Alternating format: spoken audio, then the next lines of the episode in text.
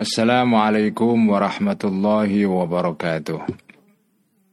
بسم الله الرحمن الرحيم. الحمد لله رب العالمين والصلاة والسلام على أشرف المرسلين سيدنا وحبيبنا ومولانا وقرة أعيننا محمد وعلى آله وأصحابه ومن تبعهم بإحسان إلى يوم الدين. رب اشرح لي صدري ويسر لي أمري. واحلل عقدة من لساني يفقه قولي ربي زدنا علما وارزقنا فهما آمين يا رب العالمين أما بعد Teman-teman, mari melanjutkan ngaji Al-Iqtisad Bila ruhi nabiyina wa syafi'ina Muhammadin sallallahu alaihi wasallam Wa ila arwahi ikhwanihi minal anbiya'i wal mursalin Wa ila arwahi الآل والأصحاب أجمعين وإلى أرواح الأولياء والشهداء والصالحين والأئمة المجتهدين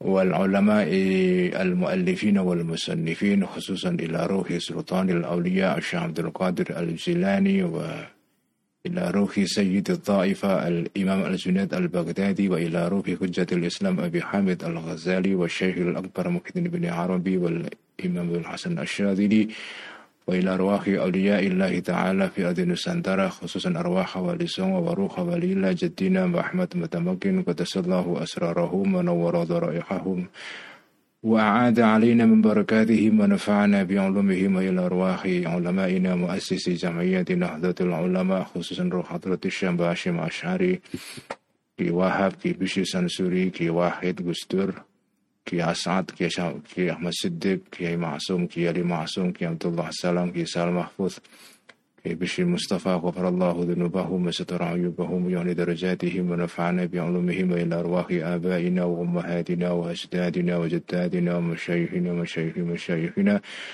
khususan ruha bi Kiai Abdullah Rifai, wa ruha ummi Nyai Salam, wa ruha ummi Nyai Fatimah, غفر الله ذنوبهم وستر عيوبهم ويعلي درجاتهم. شيء لله لهم الفاتحة. أعوذ بالله من الشيطان الرجيم. بسم الله الرحمن الرحيم. الحمد لله رب العالمين. الرحمن الرحيم. مالك يوم الدين. إياك نعبد وإياك نستعين. اهدنا الصراط المستقيم. صراط الذين أنمت عليهم غير المغضوب عليهم ولا الضالين. آمين. بسم الله الرحمن الرحيم. قال المؤلف رحمه الله تعالى وأدام النفع به وبعلمه في الدارين آمين ربي يسر وعين Kita melanjutkan bacaan kemarin malam halaman 220 ya. Fa inkila ma'naha annaha mutahayyi'atun liwuku'il maqduri biha. Ma'naha artinya kudrah itu. Jadi kalau ada sifat kudrah itu artinya adalah annaha. Sesungguhnya kudrah ini mutahayyiatun itu punya potensi. Ya. Atau persiapan itu artinya punya potensi. Liwuku makduri terhadap terjadinya sesuatu yang dimampui biha karena adanya kudrah. Ini bisa difahami kalau kita kembali kepada keterangannya Al-Ghazali kemarin. Al-Ghazali kemarin itu mengatakan begini. Kalau kudrah itu punya ta'aluk ya, Dan pasti punya ta'aluk Sifat kudrah itu punya ta'aluk Dan ta'aluknya semata-mata ta'aluk berupa al-wuku wal ijad ya. Jadi sifat kudrah itu ta'aluknya dengan sesuatu itu semata-mata satu arah Yaitu kalau ada kudrah itu akan menimbulkan sesuatu yang lain karena kudrat itu katanya kemampuan kan. Kemampuan untuk apa? Nah, tak itu namanya ta'aluk ya. Kemampuan untuk apa? Kemampuan untuk mengadakan sesuatu. Ya tergantung sesuatu itu. Kalau sampean punya kudrah untuk menulis ya, kemudian kudrah itu menciptakan, mengadakan tindakan menulis. Ya.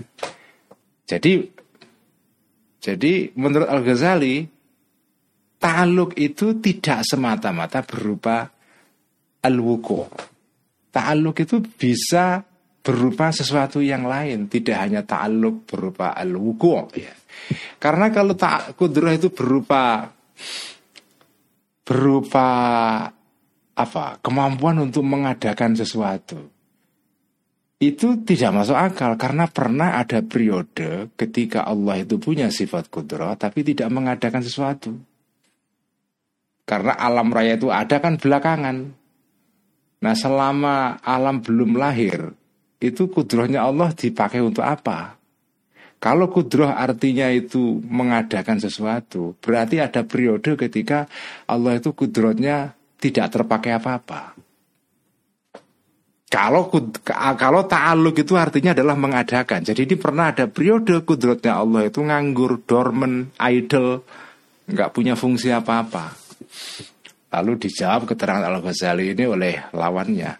Oh enggak, artinya kudroh punya ta'aluk itu nanti nunggu kesempatan ta'aluk itu menunggu kesempatan yang pas, yang kondusif. Begitu kesempatan ini datang, kudroh berta'aluk mengadakan sesuatu. Dijawab Al-Ghazali Itu juga nggak bisa nggak masuk akal Kenapa? Karena berarti ada sifat kudro Ya ada sifat di sini yaitu kudro Yang dulunya tidak punya ta'aluk Kemudian belakangan punya ta'aluk Nunggu ta'aluk itu artinya kan Sesuatu yang tidak punya ta'aluk semula Tiba-tiba punya ta'aluk nah, Itu secara nalar tidak masuk akal Lalu lawannya mengatakan lagi, oh enggak, artinya kudrah punya ta'aluk itu dia punya potensi untuk mengadakan sesuatu nanti. Nah, ini maknanya Pak Ingkila itu di sini. Jadi ini tiktokan ini antara Al-Ghazali dengan lawannya ini ya. Dijawab oleh Al-Ghazali. Kulna menjawab kami. Enggak, itu tetap enggak masuk akal jawaban kamu itu wala makna dan tidak ada pengertian itu wujud litahayu bagi makna tahayu yaitu siap-siap ya siap-siap nanti mengadakan sesuatu ya ilan tidharul wuku'i biha kecuali menunggu adanya sesuatu biha karena kudrah itu tahayu itu ya sama dengan intidhar kalau tadi intidhar sudah disangkal oleh Al-Ghazali dijawab bahwa itu tidak masuk akal ya sama saja tahayu ini ya maknanya intidhar juga jadi sampai mengulang hal yang sama. Jawabannya ya kurang lebih sama dengan yang sebelumnya. Kenapa tahayu itu sama dengan intidor? Tahayu ya kesiapan mengadakan sesuatu itu sama dengan menunggu sesuatu terjadi. Itu karena wadhalika dan dan hal tersebut yaitu at-tahayyu wal intidhar la yujibu Wadhalika dan tahayyu yang maknanya intizar tadi itu la yujibu tidak mengharuskan ya zalika tadi itu ta'alluqan ta'alluq fil khali sekarang intinya kan ta'alluq sekarang tidak ada intinya ada periode ada saat ketika manusia atau Allah ya itu tidak berfungsi kudrotnya itu Nah di dalam periode ini berarti kudrot tanpa ta'aluk tanpa ta'al sekarang ini. Maka mau gila. Maka sebagaimana di, bisa dinalar, bisa dipahami. Indakum bagi kalian, yaitu orang-orang yang menyangkal Al-Ghazali ini. Kudratun adanya kudroh, maujudatun yang ada, muta'alikotun yang berhubungan, bil makduri dengan sesuatu yang dimampui, Sementara wal makduru dan sesuatu yang dimampui ini ghairu waqi'in tidak terjadi biha. Karena adanya kudrah ini karena sekarang ini belum terjadi kudrah ta'aluknya itu. Ta'aluk kudrah nunggu nanti.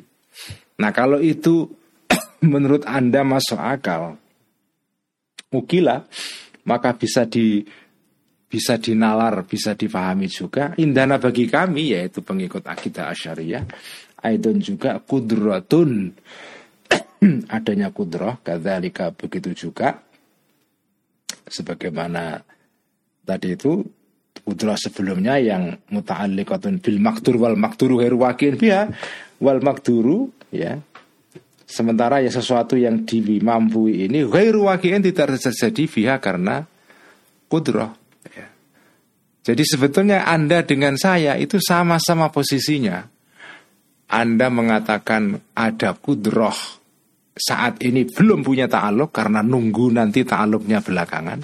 Saya mengatakan ada kudroh dan tidak punya ta'aluk. Yaitu kudrohnya manusia tadi itu loh.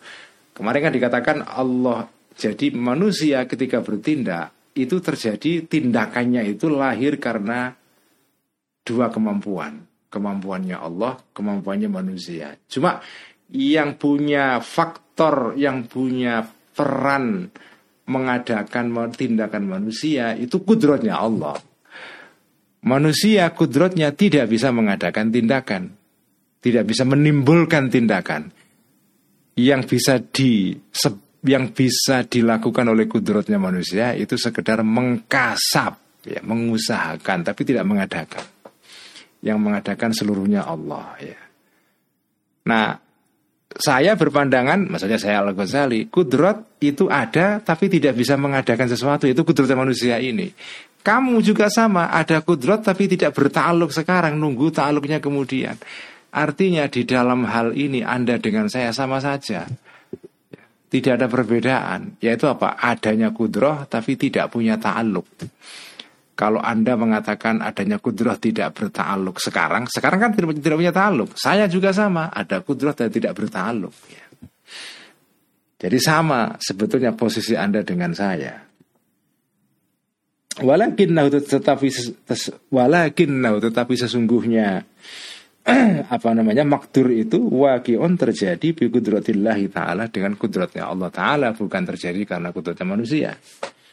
Falam yukhalif maka tidak berbeda madhabuna madhab kami yaitu asyariyah hahuna dalam kasus ini madhabaku madhab kalian sama di sana ya. illa fi qaulina kecuali di dalam uh, pendapat kami atau statement kami yaitu kami pengikut madhab Ash'ariyah apa kaulina itu? Isinya innaha waqa'at bi kudratillahi ta'ala. Inna sesungguhnya kudrah ya itu waqa'at terjadi kudrah ini yaitu kudratnya manusia terjadi bi kudratillahi ta'ala karena kudratnya Allah ta'ala jadi perbedaan Anda dengan saya cuma satu saja. Dalam hal ada kudroh tidak bertaluk itu Anda dengan saya sama saja. Dalam kasus Anda ada kudroh tidak bertaluk sekarang. Dalam kasus saya ada kudroh tidak bertaluk sama sekali. Tapi intinya tidak bertaluk. Itu sama. Perbedaannya hanya satu saja. Dalam pendapat kami tindakan manusia ya terjadi karena kudrotnya Allah bukan karena kudrotnya manusia. Manusia punya kudrot, tapi kudrot ini tidak mengadakan sesuatu. Tugas kudrot manusia sebatas mengkasap sesuatu. Mengusahakan, tapi tidak bisa menentukan terjadinya sesuatu. Ya itu samalah dengan ucapan populer itu ya. Manusia berusaha, pada akhirnya yang menentukan Allah subhanahu wa ta'ala. Itu pendapat Asyariah itu apa namanya manusia berusaha Allah yang menentukan. Ya itu itu maknanya ini. Jadi manusia punya kudrat tapi kudratnya manusia tidak mengadakan sesuatu. Yang bisa mengadakan sesuatu kudratnya Allah jadi kudrat itu maknanya tidak semata-mata mengadakan. Ya, kalau dalam kasus Allah kudrat itu mengadakan sesuatu. Ya, tapi kalau kudrat dalam kasus manusia tidak mengadakan sesuatu, mengusahakan sesuatu. Jadi dalam hal ini ya posisi Asy'ariyah itu tidak sama dengan Mu'tazilah dan juga tidak sama dengan Jabariyah. Kalau Mu'tazilah mengatakan kudrat itu semua ada pada manusia. Allah tidak kudratnya Allah tidak berfungsi. Nah ini ini menyalahi prinsip orang beriman itu ya. Jabariyah mengatakan manusia tidak punya kudrat. Allah yang punya kudrat. Oh itu keliru ya. Ya kalau manusia nggak punya kudrat terus ngapain disuruh taat oleh Allah dan dikasih ganjaran segala macam. Tidak masuk akal itu. Jadi solusinya adalah tengah-tengah. Allah punya kudrat, manusia juga punya kudrat. Cuma yang menentukan itu kudratnya Allah, kudratnya manusia sekedar berusaha mengadakan sesuatu. Sesuatu ada karena kudratnya Allah. Gampangannya begitu. Ini keterangan yang rumit-rumit ini itu sebetulnya itu saja, ya sederhana itu. Oke, fa'ilam yakun maka jika tidak ada min roti wujudil kudrati dari keharusan adanya kudrah Wala ta'alluqiha dan tidak dari ta'alluqnya kudrah bil makduri dengan sesuatu yang dikudroi yang menjadi sasaran kudrah. Apa yang tidak ada ya, yang tidak termasuk min darurati wujudul kudrati wala ta'alluqiha bil makdur wujudul makduri adanya sesuatu yang dikuasai biha karena kudrah. Kalau sesuatu ya, kalau adanya kudrah itu tidak otomatis membuat sesuatu ada Ya. Tadi kan manusia punya kudro, tapi tidak otomatis kudrohnya manusia mengadakan sesuatu. Jadi wujudnya kudro tidak otomatis mengadakan sesuatu. Ta'aluknya kudro juga tidak otomatis membuat sesuatu ada. Ya. Kalau kudrotnya Allah berta'aluk memang mengadakan sesuatu, tapi kalau kudrotnya manusia berta'aluk tidak mengadakan sesuatu. Jadi di sini dikatakan adanya kudroh tidak mesti tergantung kalau kudratnya Allah itu bisa mengadakan sesuatu. Tapi kalau kudratnya manusia tidak bisa mengadakan sesuatu. Artinya apa? Wujudnya kudrat tidak mesti mengadakan sesuatu. Tergantung ya hanya kudratnya Allah yang mengadakan sesuatu. Nah, jika demikian ya faidha alam yakun ini jumlah syartiyahnya jawabnya famin aina maka dari mana yastadai mengharuskan ya wujudul kudrah itu ya ada mawuku'ihi tidak adanya uh, apa namanya uh, ada mawuku'ihi tidak adanya al-makdur ya bi kudratillahi ta'ala karena kudratnya Allah ta'ala jadi kalau adanya kudrah tidak mengharuskan adanya makdur. Karena tidak semua kudrah itu bisa mengadakan sesuatu. Tidak mesti adanya kudrah mengadakan sesuatu. Kalau begitu keadaannya, dari mana sampean mengharuskan tidak adanya apa namanya sesuatu karena kudratnya Allah?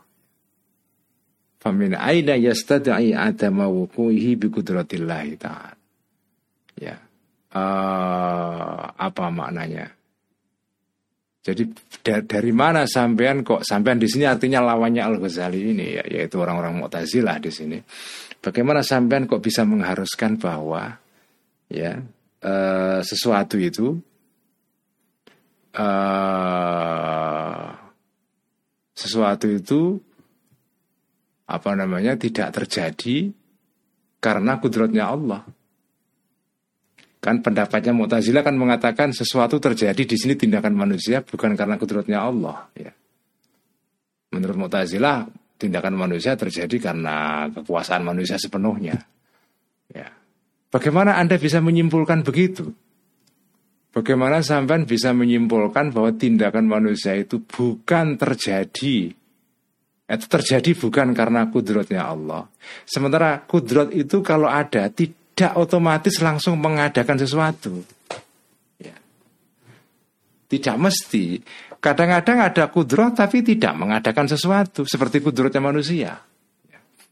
Jadi bagaimana kalian wahai Mu'tazilah berkesimpulan bahwa tindakan manusia itu terjadi bukan karena apa namanya kudrotnya Allah.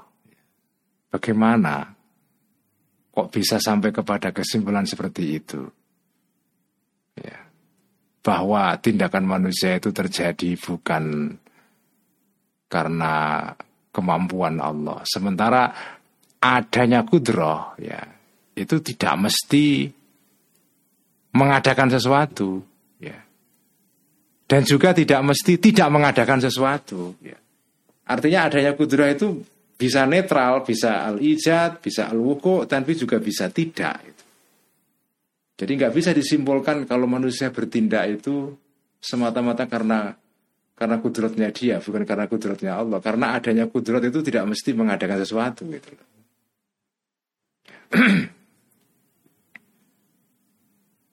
Fawujudu maka wujudnya makdur Bikudratillahi ta'ala Karena kudratnya Allah ta'ala La itu tidak ada Keunggulan itu mewujud Lahu bagi wujuduhu bikudratillah Ala adamihi terhadap tidak adanya al-makdur ya. min haitsung kita unisbati dari sudut terputusnya hubungan yaitu hubungan antara al kudrah wal maktur anil kudrati dari kudrah al hadithati yang apa namanya yang yang yang baru yaitu kudratnya manusia. Izin nisbatu karena adanya hubungan yaitu hubungan antara kudrah dengan maktur idalam tamtani ketika tidak tercegah tidak tertolak An-nisbah ini bi'adamil makturi dengan tidak adanya al-maktur Fakaifa tamtani'u maka bagaimana tercegah? Biwujudil makturi dengan adanya sesuatu yang dikuasai. Jadi artinya Kalau tadi kembali kepada prinsip yang dipegang oleh Al-Ghazali Ta'alluqul kudrah itu tidak mesti maknanya al-ijad wal wuku mengadakan sesuatu. Bisa saja kudroh ada tapi tidak mengadakan sesuatu seperti kudrohnya manusia. Jadi adanya kudroh itu tidak menjamin adanya makdur. uh, tidak adanya makdur juga tidak berarti tidak adanya kudroh. Jadi karena bisa saja ada ada kudroh tapi tidak ada makdur. Nah kalau sesuatu itu tidak ada bukan otomatis kudroh itu juga tidak ada maka kalau ada makdur ya jadi saya ulang ya kalau ketiadaan makdur kalau kalau ketiadaan makdur ya, itu tidak berarti menandakan ketiadaannya kudro. Bisa saja kudro ada tapi makdur tidak ada. Maka ketika apa namanya ada al makdur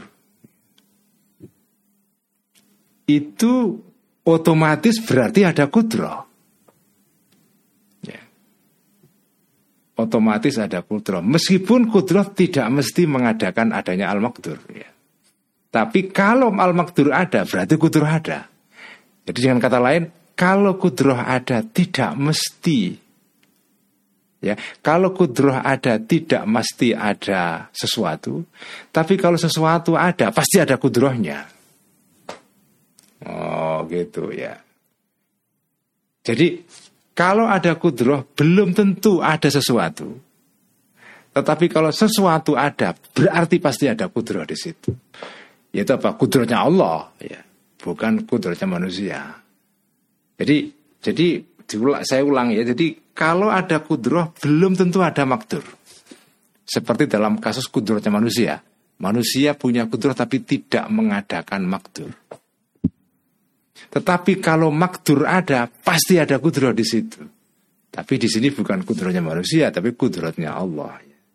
Wa kaifa dan bagaimanapun dibayangkan atau diandaikan al makduru adanya sesuatu yang dikuasai diandaikan maujud dan dalam keadaan maujud jumlah ini hal ya au makduman atau tidak ada baik sesuatu itu ada atau tidak ada fala buddha maka tidak boleh tidak. Min kudrotin adanya kudrah muta'alliqatin yang berhubungan.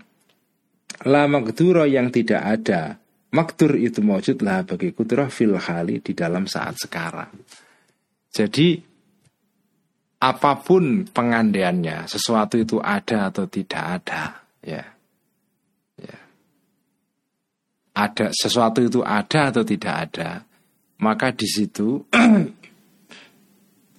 kita harus mengandaikan adanya kudroh ya yang bertaluk cuma ta'aluknya itu tidak langsung terjadi sekarang tapi bisa juga terjadi di masa depan itu.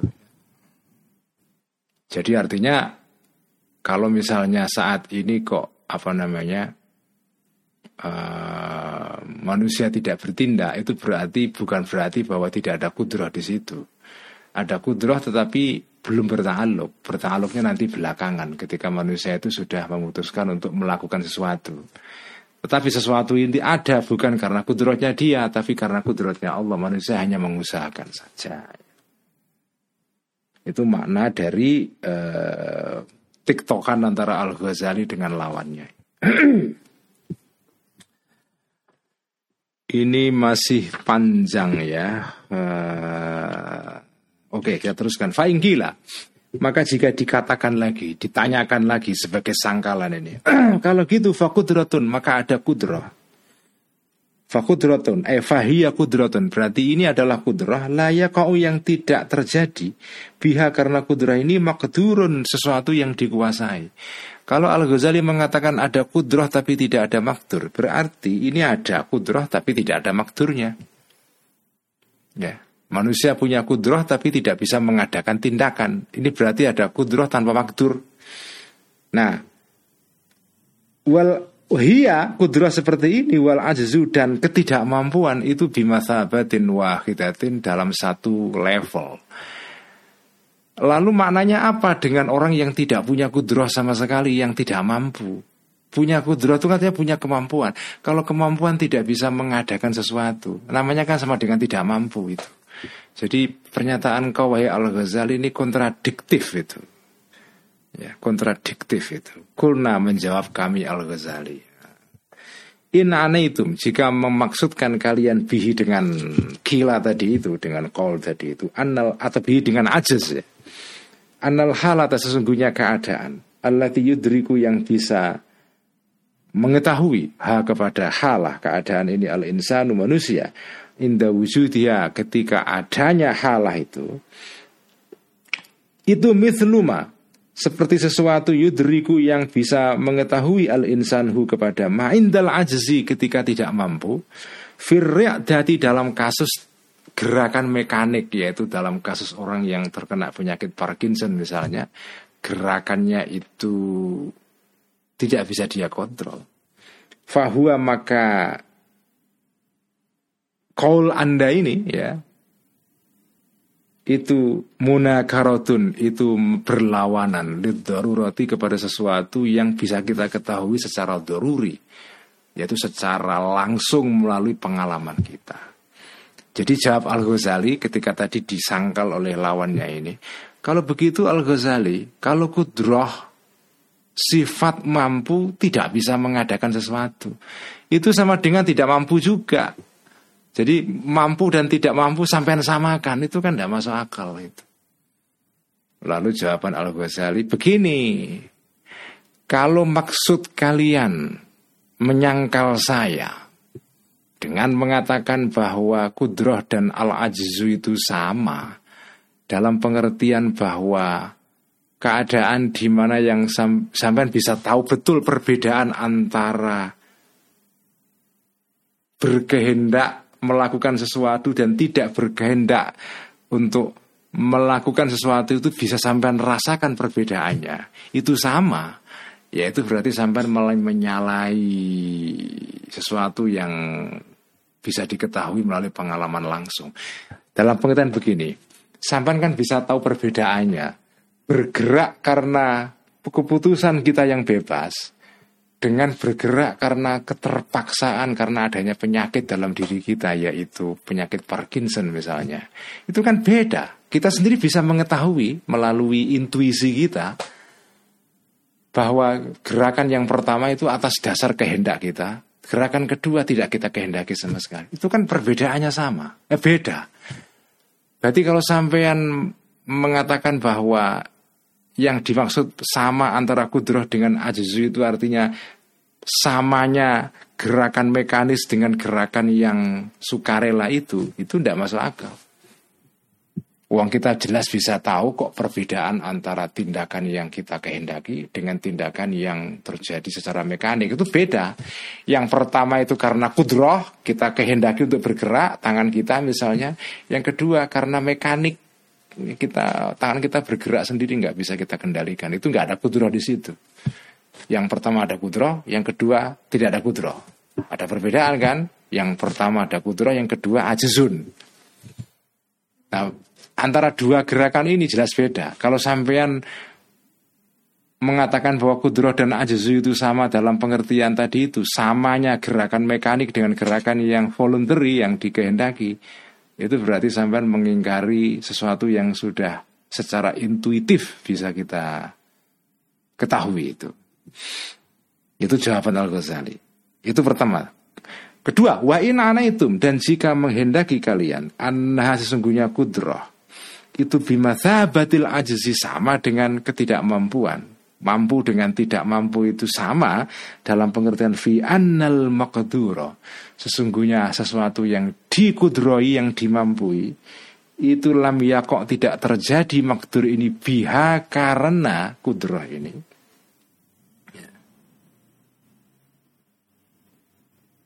Fahuwa maka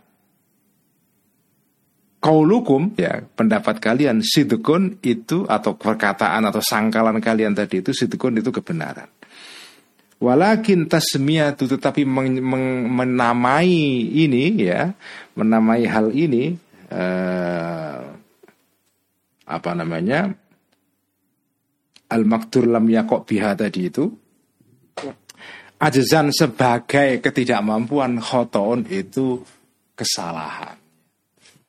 Tadi kan musuhnya atau lawannya Al-Ghazali mengatakan lo pendapat engkau Al-Ghazali bahwa kudroh itu tidak bisa mengadakan sesuatu itu kan sama dengan mengatakan ada kudroh tapi tidak ada objeknya, tidak ada makturnya. Berarti itu sama dengan ketidakmampuan. Ya, kemampuan sama dengan ketidakmampuan itu tidak masuk akal itu. Lalu Al-Ghazali menjawab tergantung.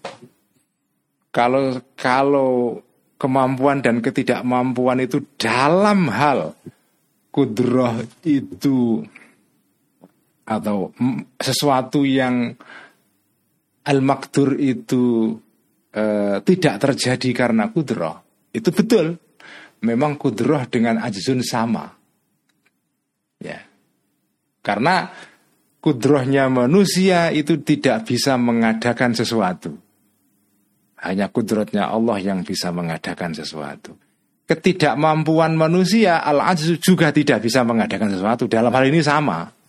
Jadi kalau sampai mengatakan kudrah dengan al-ajzu sama dalam pengertian ini betul. Tapi kalau dalam pengertian bahwa gerakan yang mekanik dengan gerakan yang kita kehendaki itu sama kedudukannya itu salah. Tapi kalau dalam pengertian bahwa kudrah itu tidak otomatis mengadakan sesuatu, sama dengan al-ajzu juga tidak bisa mengadakan sesuatu, maka pernyataan Anda bahwa al-qudrah sama dengan al-ajzu dalam pengertian ini itu benar. Tetapi mengatakan bahwa al-qudrah yang tidak bisa mengadakan sesuatu itu sebagai al-ajzu ketidakmampuan itu istilah yang salah itu. Itu salah. Ya tetap itu kudrah meskipun tidak bisa mengadakan sesuatu. Karena bedanya begini, kalau al-ajzu ketidakmampuan itu berarti sampai tidak punya kudroh sama sekali. Tetapi kalau sampean diberikan kudroh oleh Allah, memang kudroh sampean sebagai manusia itu tidak bisa mengadakan sesuatu, tapi tetap tetap bisa mengusahakan, bisa mengkasbu. Itu perbedaannya. Kalau al-ajzu itu tidak ada kasbu sama sekali di situ, al-ajzu. Ya kira-kira ginilah padanannya ya. Kalau sampean itu tidak punya uang, ya otomatis sampean nggak bisa beli sesuatu. Tapi kalau sampean punya uang, belum tentu bisa beli sesuatu juga, meskipun kemungkinan beli sesuatu ada. Jadi tidak punya uang itu jelas tidak akan menyebabkan sampean bisa beli. Punya uang juga tidak otomatis membuat sampean membeli.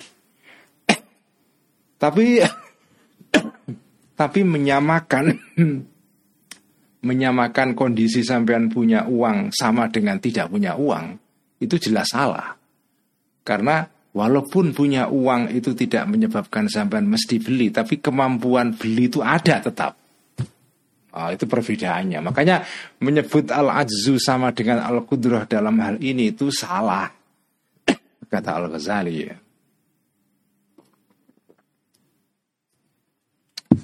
Wa inkana dan jika ada min haitsul kusuru dari arah kekurangan, ketidakmampuan. Ya. Idza nusifa ketika dinisbatkan al-kusur ini ila kudratillahi ta'ala terhadap kudratnya Allah ta'ala. Kalau al-kusur ketidakmampuan mengadakan al-makdur ini Ya tadi kan dikatakan kudrotnya manusia itu tidak bisa al-kusur ya Kosirun tidak mampu mengadakan sesuatu Kalau ketidakmampuan ini dinisbatkan kepada kudrotnya Allah Zunna maka disangka Annau sesungguhnya al-kusur ini Itu mithlul ajzi seperti ketidakmampuan sama sekali. Ya. Wahada dan ini yaitu Zon ini itu kama annau sebagaimana sesungguhnya keadaan berikut ini demirsaan laukila jika dikatakan apa yang dikatakan? Al qudratu qabla al fi'li ala aslihim musawiyatun lil ajzi min haitsu annal maqdura ghairu waqi'in biha. Al qudratu qudrah kekuasaan qabla al fi'li sebelum melakukan sesuatu.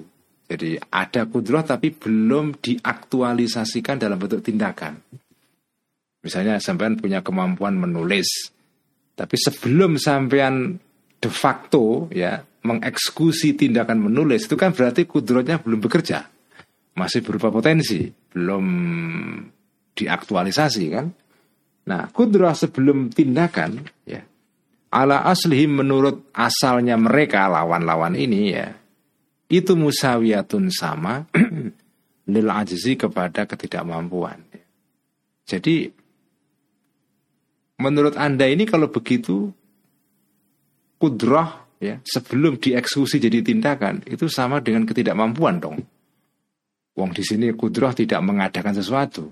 Berarti kalau gitu sama dengan al-ajzu yaitu ketidakmampuan. Kan sampean kalau tidak mampu itu kan tidak bisa mengadakan sesuatu. Nah ini kalau sampean punya kemampuan tetapi belum melakukan sesuatu, ya misalnya sampean tidur, Sampai itu punya kemampuan menulis tapi teman tidur itu kan tidak melakukan sesuatu. Atau sampai duduk saja ngelamun gitu tidak tidak menggunakan kemampuan menulis yang ada pada diri sampean. Berarti di sini kudroh tidak mengadakan sesuatu karena nggak dipakai, idle. Apakah menurut kalau menurut Anda kalau begitu ini berarti sama dengan al-azizu kudroh sama dengan al-azizu kalau begitu. Min haitsu annal maktur dari segi sesungguhnya sesuatu yang dikuasai ghairu waqi'in itu tidak terjadi biar karena kudroh. Sama-sama belum terjadi ya kan? Yang satu kudroh belum dipakai sehingga tidak mengadakan sesuatu. Yang satunya al-ajzu mampuan juga tidak mengadakan sesuatu. Nah, kalau ini disamakan lah karena maka ada Wa ingkana min haithul kusuru Eh jawabnya wahada Laukila maka jawabnya lakana Maka ada al-lafzu Lafal istilah mungkaron itu diingkari Min haithu annaha Atau min haithu innaha Dari sudut sesungguhnya Apa namanya Kudrah tadi itu Halatun adalah keadaan mudrokatun yang bisa diketahui melalui intuisi kita yufariku yang membeda yang berbeda ha mengetahui hal ini fin nafsi di dalam diri manusia berbeda idrokal ajzi terhadap pengetahuan tentang al ajzu maka dalika maka maka sebagaimana apa namanya uh, kaunul lafzi mungkaron tadi itu hada ini ya. Wala farqo dan tidak ada perbedaan itu mewujud ya. Jadi apa secara garis besar adalah bahwa apa namanya ada perbedaan mendasar lah ya antara kudroh dengan al ajzu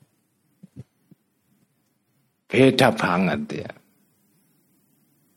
Memang sekilas ada kesamaan dalam hal al-qudrah itu tidak mesti bisa mengadakan sesuatu. Misalnya sampean punya kemampuan untuk menulis, tapi kemampuan ini belum bisa belum sampean gunakan. Sampean duduk saja nganggur ngelamun udah tutut misalnya kemampuan menulis sampean itu belum tereksekusi, belum teraktualisasi pada saat ini karena sampean nganggur tidak menggunakan kemampuan itu. Dalam situasi sekarang ini, ya, itu kemampuan sampean tidak mengadakan sesuatu yaitu tindakan menulis. Apakah keadaan seperti ini sama dengan ketidakmampuan menulis sama sekali? Beda kan? Beda sama sekali. Yang satu ada kemampuan belum diaktualisasikan, yang satunya tidak ada kemampuan sama sekali. Kita bisa mengetahui dalam diri kita melalui intuisi kita perbedaan mendasar antara dua keadaan ini. Nggak bisa sampean apa namanya uh, samakan itu. Nggak bisa itu. Jadi sangkalan sampean bahwa pendapat saya itu menyamakan antara kudroh dengan al-azu itu nggak bisa diterima Gak bisa diterima. Jelas beda. Jadi kembali kepada keterangan awal ya. Manusia itu punya kudroh. Allah punya kudroh. Yang menentukan tindakan manusia seluruhnya adalah kudrotnya Allah. Loh kalau begitu kudrotnya manusia buat apa? Kudrotnya manusia bukan untuk mengadakan tindakan. Tapi untuk mengusahakan tindakan. Karena itu walaupun kudrotnya manusia itu tidak untuk mengadakan sesuatu Tapi tidak bisa dikatakan kudrotnya manusia itu sama dengan al-ajzu yaitu ketidakmampuan. Jelas beda kalau al-ajzu ketidakmampuan itu sama sekali gak ada kudroh Nihil total. Kalau di dalam dalam dalam keadaan manusia punya kudroh Ya, itu ada kudroh di situ walaupun tidak bisa mengadakan sesuatu, tapi dia bisa mengusahakan. Ya. Jadi jelas beda antara kudroh dengan al itu. Wa alal jumlati secara apa namanya uh, secara garis besar kesimpulannya saudara-saudara la buddha tidak boleh tidak min itsbati kudrata ini dari menetapkan adanya dua kudra mutafawitata ini yang berbeda tingkatan. Pada akhirnya sampai tidak bisa lepas dari opsi terakhir ini. Yang ini merupakan pendapat kaum Ash'ariyah, madhab Ash'ariyah yang diikuti oleh Al-Ghazali dan mayoritas umat Islam termasuk warga Nahdlatul Ulama di Indonesia dan umat Islam di negara-negara yang lain sebagian besar itu ya mengikuti akidah Asyariah, pengikut madhab Maliki, pengikut madhab Hambali, itu semua mengikuti ini apa namanya akidah Asyariah ini. Nah, jadi prinsipnya sampai tidak bisa menghindar dari adanya dua kudroh. Cuma dua kudroh ini beda level. Kudrotnya Allah, kudrotnya manusia. Manusia punya kudroh, Allah punya kudroh. Jadi Padhab Asyariah itu tidak berpendapat bahwa manusia itu tidak punya kudro. Enggak. Manusia punya kudro. Cuma kudratnya manusia tidak berfungsi untuk ijadul fi'li wa wuku'ihi. Mengadakan tindakan dan membuat tindakan itu terjadi. Yang bisa dilakukan oleh kudrat manusia adalah mengusahakan yaitu al-kasbu ya. Ikhdahuma salah satunya dari kudrota ini a'la ini ya a'la luwe, lebih tinggi. Wal ukhra dan yang lain ya. Fil ajzi dengan ketidakmampuan itu asbahu lebih mirip. Tidak persis sama dengan al ajzu ketidakmampuan tapi mirip ketidakmampuan. Mirip saja. Mahma udhifat ketika dinisbatkan dibandingkan ya uh, al-ukhra kudroh yang lain ini yaitu kudroh manusia dibandingkan ilal a'la kepada kudroh yang lebih tinggi yaitu kudrotnya Allah. Jadi kudrotnya manusia itu kalau dibandingkan dengan kudrotnya Allah itu memang seperti ketidakmampuan, mirip tapi tidak sama. Wa anta dan engkau bil khiyari itu disuruh milih baina antuthbita antara menetapkan engkau lil abdi bagi hamba kudratan adanya kemampuan tuhimu yang bisa memberikan kesan. Kudrah ini shibhal ajzi. Kemiripan dengan al ajzu ketidakmampuan min wajhin dari satu segi. Wabaina antuthbita dan antara menetapkan engkau lillahi taala kepada Allah taala. Zalika yaitu uh, kudroh yang tuhimu shibhal ajzi ini. Pilihan sampean dua sekarang, hanya dua saja. yang punya kudroh mirip dengan ketidakmampuan ini manusia atau yang punya kudroh yang mirip tidak ke, yang mirip dengan ketidakmampuan ini Allah ya. Kalau yang mengatakan bahwa Allah itu punya kudroh mirip dengan ketidakmampuan itu kaum Mu'tazilah. Kaum tidak mengingkari Allah punya kudroh, cuma kudrotnya Allah tidak berfungsi. Karena begitu manusia memutuskan sesuatu, maka yang berfungsi seluruhnya adalah kudratnya manusia. Kudratnya Allah itu idle, non aktif ya. Sampean punya pilihan, yang non aktif itu kudratnya Allah atau kudratnya manusia. Kalau Asyariah pilih manusia. Tidak non aktif sama sekali, tapi mirip non aktif. Ya. Ya. Karena masih ada fungsi, yaitu fungsinya al-kasfi tadi itu. Ya. Ya, jadi saya pilih aja kalau sampean jadi mutazilah ya berarti sampean memilih Allah itu yang kudratnya non aktif. Ya ini ya agak kurang kurang adab ya, kurang sopan. Masa Allah kita katakan kudratnya tidak aktif itu. Allah maha kuasa kok. Yang lebih layak kudratnya tidak aktif itu kan manusia, bukan Allah itu kan. Wala tastarib dan, dan jangan ragu engkau Ingkunta jika ada engkau munsifan itu orang yang insaf, orang yang menyadari kebenaran. Bi anna shibhal kusuri dalam hal sesungguhnya kemiripan dengan ketidakmampuan wal ajzi dan ketidakmampuan ya fil makhlukoti ya apa namanya uh, apa namanya uh, mirip bil makhlukoti apa namanya dengan makhluk-makhluk ya. Yang paling mungkin tidak mampu itu kan manusia. Bil makhlukoti dengan kepada makhluk ya. Jadi binya ini ta'aluknya kepada lafal aula. Aula itu lebih utama lebih utama bil makhlukoti terhadap makhluk-makhluknya Allah. Yang paling mungkin mirip ya.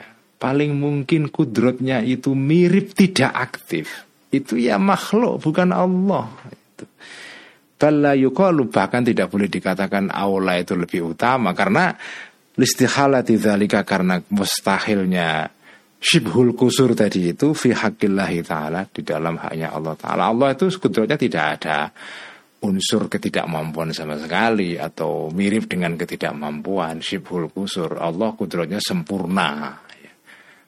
Jadi dikatakan aula di sini juga nggak tepat ya. Ya tapi ini ini anu lah ya lil karena apa namanya litajawuz ya. Hada inilah keterangan ini ghayatuma uh, puncaknya keterangan yahtamilu yang bisa memuat hu kepada keterangan ini hadal muktasaru kitab yang ringkas ini. Ini kitab ringkas ini padahal panjang sekali ya. Min hadil masalati dari uh, masalah ini atau hadal muktasaru ringkasan ini min hadil masalati dari masalah itu. Gak usah dipanjang-panjangkan, yang penting sampai ngerti gagasan pokoknya, yaitu bahwa ada kudrotani, ada dua kudroh. Allah punya kudroh, manusia punya kudroh. Tapi yang paling berfungsi, yang yang menentukan adalah kudrotnya Allah. Kudrotnya manusia tidak menentukan sekedar hanya berusaha. Yang menentukan adalah kudrotnya Allah. Ini penjelasan terakhir ya sudah selesai dari Al-Far'uthani Cabang kedua dari pembahasan tentang sifat kudratnya Allah. Lalu nanti akan disambung dengan cabang ketiga yaitu yang terakhir. Pembahasan tentang kudratnya Allah itu tentang fenomena yang disebut dengan al-mutawallidat atau at-tawallud. Jadi fenomena gerakan, tindakan yang terjadi tidak langsung, tapi tindakan yang timbul karena tindakan yang lain. ya, contohnya misalnya begini ya. Kalau sampean kalau sampean mendorong batu, oke? Okay? mohon maaf ini botak batu ya. Sampai mendorong batu.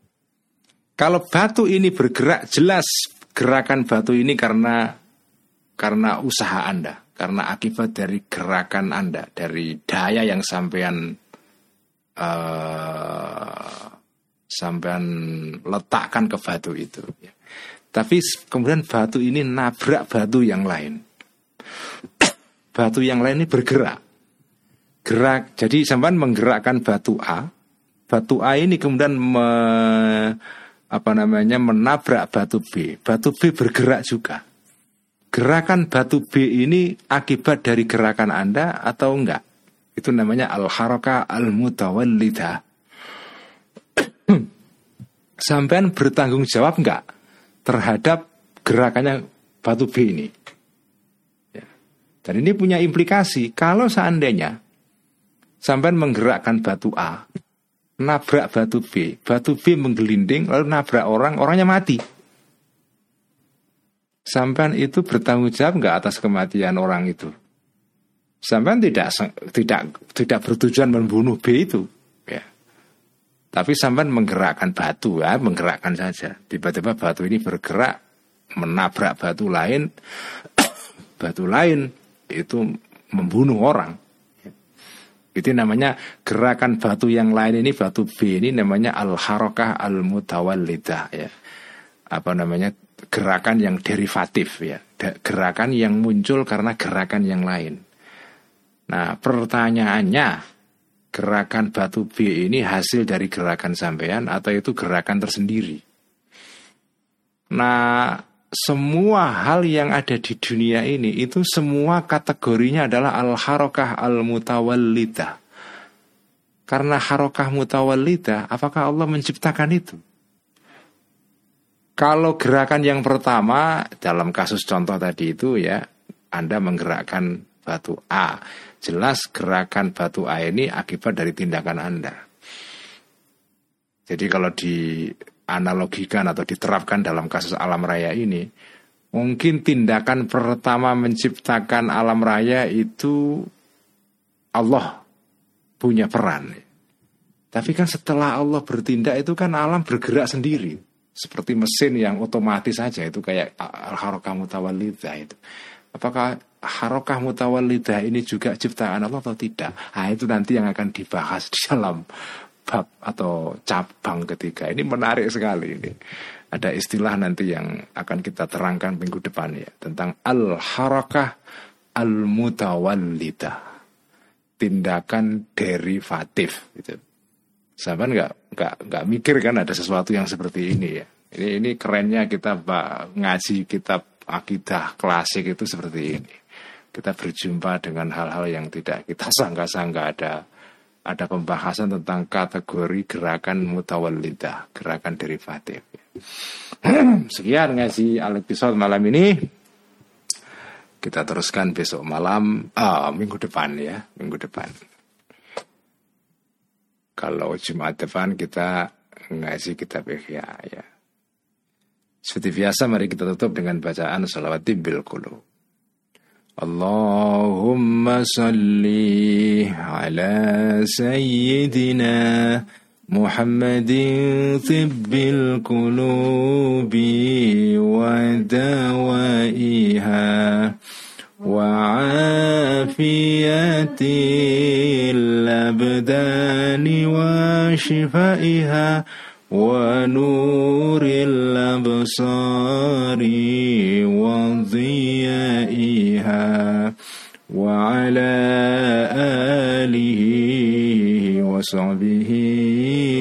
وسلم. اللهم صلِّ على سيدنا محمد طب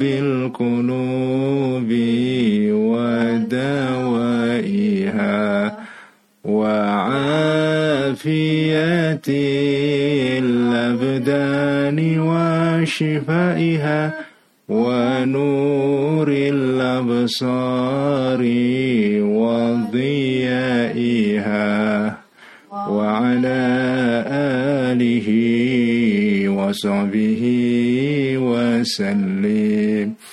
اللهم صل على سيدنا محمد طب